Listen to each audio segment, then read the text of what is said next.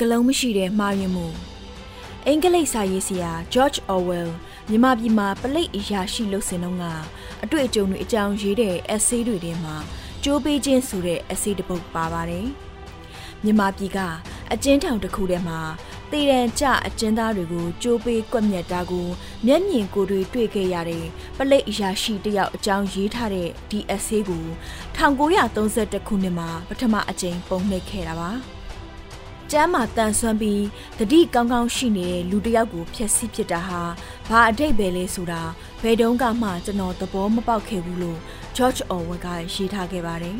။ကျိုးပေးကွက်မြက်ခြင်းနဲ့ပတ်သက်ပြီးအရှိန်အဟုန်အပြည့်နဲ့ဘဝတစ်ခုကိုဖျက်တောက်ပစ်လိုက်တာဟာစိုးပွဲရာမရှိတဲ့မှားယွင်းမှုလို့ဆိုပါတယ်။ရင်ကျေးတဲ့လူအဖွဲ့အစည်းက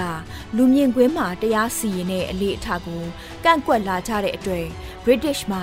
Public Execution ကို1868လောက်ကစပြီးရပ်တန့်ခဲ့ပါတယ်။သို့တော်ညာလဲမြမပြည်အင်္ဂလိပ်အစိုးရလက်အောက်ကြာရောက်ခါစကာလတွေကတော့လူမြင်ကွင်းမှာတေတံစီရင်တဲ့အလေးအထားကိုကျင့်သုံးခဲ့ပါသေးတယ်။အဲ့ဒီထဲမှာလူမျိုးကြားလက်အောက်မှာအမှုမထမ်းလို့ဆိုပြီးငင်းဆန်လို့မြန်မာတက္ကရာ1250 1888ခုနှစ်ပတ်ဝန်းကျင်လောက်ကခေါင်းဖြတ်တက်ခံခဲ့ရတဲ့မြို့လူလင်တကြီးဘိုးမင်းရောင်ကအစောဆုံးအဖြစ်နဲ့ထင်ရှားပါတယ်။သူ့ခေါင်းပြက်ကိုနမောက်မြို့တိန်တော်ကျောင်းတိုက်ရဲ့တောင်ဘက်ကံပေါင်ရိုးထနှောင်းပင်မှာအများမြင်အောင်ချိတ်ဆွဲထားခဲ့တယ်လို့မှတ်သားရပါတယ်။ဗိုလ်ချုပ်အောင်ဆန်းအထုပ်ပတိမှာရေးသားခဲ့တာဖြစ်ပါတယ်။1932ခုနှစ်မှာအင်္ဂလိပ်အစိုးရကတောင်သူလက်သမားအရေးတော်ပုံခေါင်းဆောင်ဆရာဆန်းကို တေတံစီရင်တဲ့အခါမှာတော့ကာယဝတီထောင်မှာကြိုးပေးကွက်မြက်ခဲ့ပါတယ်။လွတ်လပ်ရေးရပြီးနောက်ပိုင်းမြန်မာနိုင်ငံမှာတေတံစနစ်ကျင့်သုံးခဲ့ပေမဲ့လည်း1988နောက်ပိုင်းကတည်းကဆိုင်းငံ့ပြစ်ဒဏ်အဖြစ်ကျင့်သုံးခဲ့ပါတယ်။ဒါပေမဲ့2021ခုနှစ် February လနောက်ပိုင်းမှာတော့မြက်ွယ်တည်တံ42ဦးအပါအဝင် အကျဉ်းသား114ယောက်ကိုတည်တံချမှတ်ခံထားရတယ်လို့ UN News Report မှာဖော်ပြထားပါတယ်။တည်တံနဲ့အကြောက်တရား2011ခုနှစ်တုန်းကအော်စလိုမြို့အနောက်မြောက်ဘက်ကကျွန်းတကျွန်းပေါ်ကနွေရာသီလူငယ်စခန်းတစ်ခုမှာစခန်းချနေတဲ့ចောင်းသား80ကျော်ကိုအစုလိုက်အပြုံလိုက်တပ်ဖြတ်မှုတစ်ခုဖြစ်ပွားခဲ့ပါတယ်။အဲ့ဒီအကြမ်းဖက်တပ်ဖြတ်မှုကိုကျူးလွန်ခဲ့တဲ့နော်ဝေနိုင်ငံသား Anders Bering Breivik ကိုနော်ဝေနိုင်ငံရဲ့အမြင့်ဆုံးအပြစ်ဒဏ်22နှစ်ချမှတ်ခဲ့ပါတယ်။ ဒီလောက်လူတွေအများကြီးကိုတပ်ဖြတ်ခဲ့တဲ့သူတယောက်ကိုတေတံပေးဖို့ထိုက်တန်တယ်လို့မထင်ဘူးလားလို့မိတ်ဆွေနော်ဝေနိုင်ငံသားတယောက်ကိုမေးကြည့်တဲ့အခါသူပြန်ပြောတဲ့စကားကစဉ်းစားစရာပါပဲ။ပြစ်မှုကျူးလွန်သူကိုတေတံပေးလိုက်ရုံနဲ့ဒီလိုဖြစ်ရမျိုးတွေကိုရက်တက်ပစ်လိုက်နိုင်တာမှမဟုတ်တာ။အင်္ဂလိပ်အစိုးရအတွက်တော့ဗိုလ်မင်းရောင်တို့ဆီယာဆန်တို့ဟာအာနာဖီဆန်နဲ့အကြမ်းဖက်သဘုံတွေပါပဲ ဗိုလ်မင်းရောင်ကိုကောင်းဖြတ်တက်ပြီးသူ့ကောင်းပြက်ကိုလူမြင်ကွင်းမှာချိတ်ဆွဲပြရုံနဲ့လူတွေမှာအကြောက်တရားလွှမ်းမိုးပြီးအင်္ဂလိပ်အစိုးရကိုအာနာဖီဆန်မှုတွေရပ်တန့်သွားလိမ့်မယ်လို့ယူဆခဲ့ပုံရပါတယ်။ဆီယာဆန်ကိုတေတံပေးလိုက်ရုံနဲ့တပိတ်ဆုံတပုံထတာတွေကိုတားဆီးလိုက်နိုင်မယ်လို့ထင်ခဲ့ပုံပါပဲ။ ဥဆောင်သူတစုံတယောက်သို့မဟုတ်တစုတစ်ဖွဲ့ကိုတေတံပေးလိုက်တာနဲ့လူတွေရဲ့စိတ်မှာအကြောက်တရားဝင်ပြီးငြိမ်ဝှက်ပြပြသွားလိုက်မယ်လို့ထင်တဲ့အယူအဆဟာ19ရာစုနှောင်းပိုင်းလောက်အထိရှိခဲ့တဲ့အယူအဆဟောင်းတစ်ခုပါပဲရာစုနှစ်နှစ်စုလောက်အတွင်းမှာဖြစ်သွားခဲ့တဲ့အပြောင်းလဲတွေကအဲ့ဒီအယူအဆမှားယွင်းတယ်ဆိုတာကိုသက်သေပြခဲ့ပါတယ်ဒီရာစုနှစ်တွေအတွင်းမှာပဲအင်္ဂလိပ်တွေရဲ့နေမဝင်အင်ပါရာကြီးပြိုကွဲခဲ့တယ်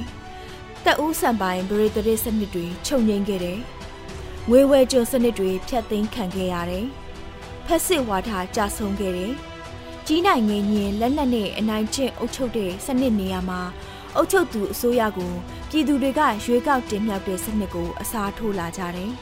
။စနစ်တစ်ခုပြိုလဲတာဟာ လူတဦးတယောက်တစုတဖွဲ့ရဲ့အားထုတ်မှုတသက်ကြောင့်မဟုတ်ဘဲ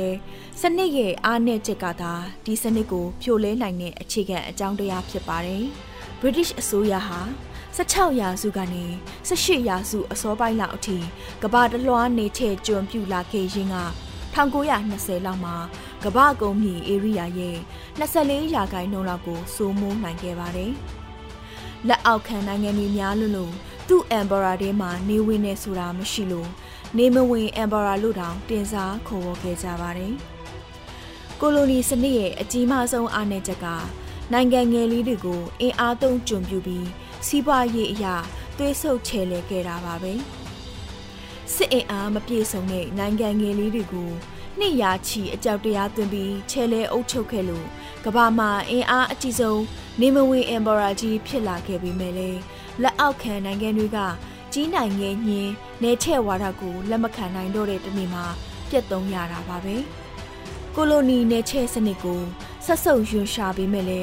ကိုလိုနီအစိုးရကျင့်သုံးခဲ့တဲ့အကျင့်ဟောင်းလုံယိုးလှုပ်စင်အဟောင်းတွေနောက်ကိုပဲဆက်လိုက်နေတဲ့အစိုးရတွေကဘာမှာကျွင်းကြံနေပါသေးတယ်။အင်္ဂလိပ်စာရေးဆရာ George Orwell ရဲ့အစည်းတဲက British Police အရာရှိဟာကျိုးပေးကွက်မြက်ခံရတော့မယ့်အကျဉ်းသားတယောက်ကိုကြည်ရင်အခုလိုပဲတွေ့ခဲ့ပါတယ်။သူနဲ့ငါတို့ဟာအခုလေးတင်မဲ့အတူလန်းလျှောက်လာခဲ့တဲ့မြင်ကြားခံစားနားလေသဘောပေါက်ပုံချင်းတူတဲ့လူသားတွေပဲ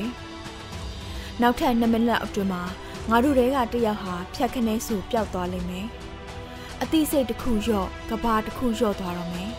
။လူတယောက်ကိုကွက်မြက်လိုက်တာနဲ့ ကြံတဲ့သူတွေမှာအကြောက်တရားဝင်ပြီးငြိမ်ဝှက်ပြီးတရားသွားမယ်။စိတ်ဓာတ်ပြက်ပြားသွားမယ်ဆိုရင်တော့ကဘာသမိုင်းတစ်လျှောက်ပေါ်ပေါက်ခဲ့တဲ့အပြောင်းလဲတွေကိုဖော်ဆောင်နိုင်ခဲ့မှာမဟုတ်ပါဘူး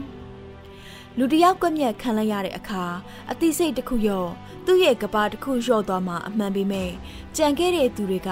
ဒီကွက်မြက်မှုအကြောင်းဆက်ပြောနေကြအောင်မှာပါပဲ။ဘိုမင်းရောက်ရဲ့ခေါင်းပြက်ကြီးက အင်္ဂလိပ်အစိုးရရဲ့ရက်ဆက်ကြမ်းကြုတ်လာတဲ့ကွက်မြက်မှုတစ်ခုအကြောင်းကဘာကြီးကိုတမိုင်းစကားပါနေတယ်လို့ပါပဲ။အလားတူကွက်မြက်မှုတိုင်းဟာစကလုံးမရှိတဲ့မှားယွင်းမှုဖြစ်တယ်ဆိုတဲ့အကြောင်းကပီးတင်ခံရအောင်တော့မှအသေးချပါပဲဆိုတဲ့အကြောင်းကိုတင်ဆက်ပေးလိုက်ရပါတယ်ရှင်။